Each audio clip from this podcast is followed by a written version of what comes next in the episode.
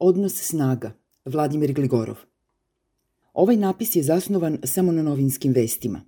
Ne znam šta se događa iza zavese, a komentatori su pristrasni i stoga neinformativni. A opet, crnogorski slučaj je svakako značajan. Ne znajući ništa o unutrašnjim odnosima u Srpskoj crkvi, uvek sam imao utisak da Amfilohije nije baš sklon integraciji Srbije i Crne Gore, naprosto po pravilu bolje prvi u selu nego drugi u gradu. Pogotovo ukoliko je zapravo donekle neodređen rang između patrijarha i mitropolita. Patrijarh teško da može da ima onakav odnos prema srpskim vlastima koji mitropolit ima prema crnogorskim. A posebno, mitropolit ne mora da se saglašava sa gospodinom Vučićem, dok Irinej mora. Izbori su to, čini se, promenili. Zaista, Amfilohije je zaslužan za pobedu, ali održivost vlasti koja se stvara zavisi od gospodina Vučića. Jer dve najveće srpske stranke u Crnoj Gori zavise, sva je prilika i finansijski, od beogradskih vlasti. I te srpske stranke moraju da slede savete srpskih vlasti jer su u manjini i u Crnogorskoj skupštini i u biračkom telu uopšte. Odnos snaga je promenjen i kada je reč o Republici Srpskoj.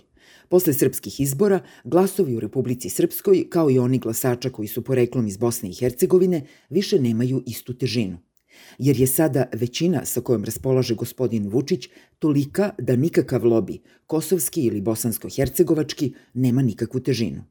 Uz to, zavisnost vlasti u Republici Srpskoj od finansijske pomoći iz Beograda je, sva je prilika, povećana usled rđavih privrednih kretanja u dužem vremenskom periodu. Pa srpski budžet preuzima obaveze Banjalučkog. A nagoveštava se i pomoć Crnoj Gori posle razgovora Vučića sa Amfilohijem. Tako da i Banja Luka i Podgorica zavise od Beograda. Dobitnik nastavka autokratske vlasti u Banja Luci, kao i promene vlasti u Podgorici je gospodin Vučić.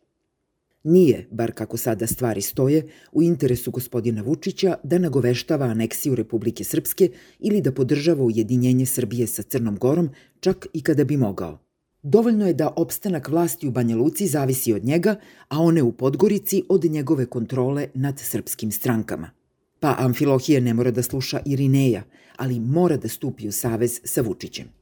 Tome naravno valja dodati i potpunu kontrolu nad srpskom politikom na Kosovu – To sve dodatno marginalizuje srpsku opoziciju, još više nego početkom 90. godina prošloga veka.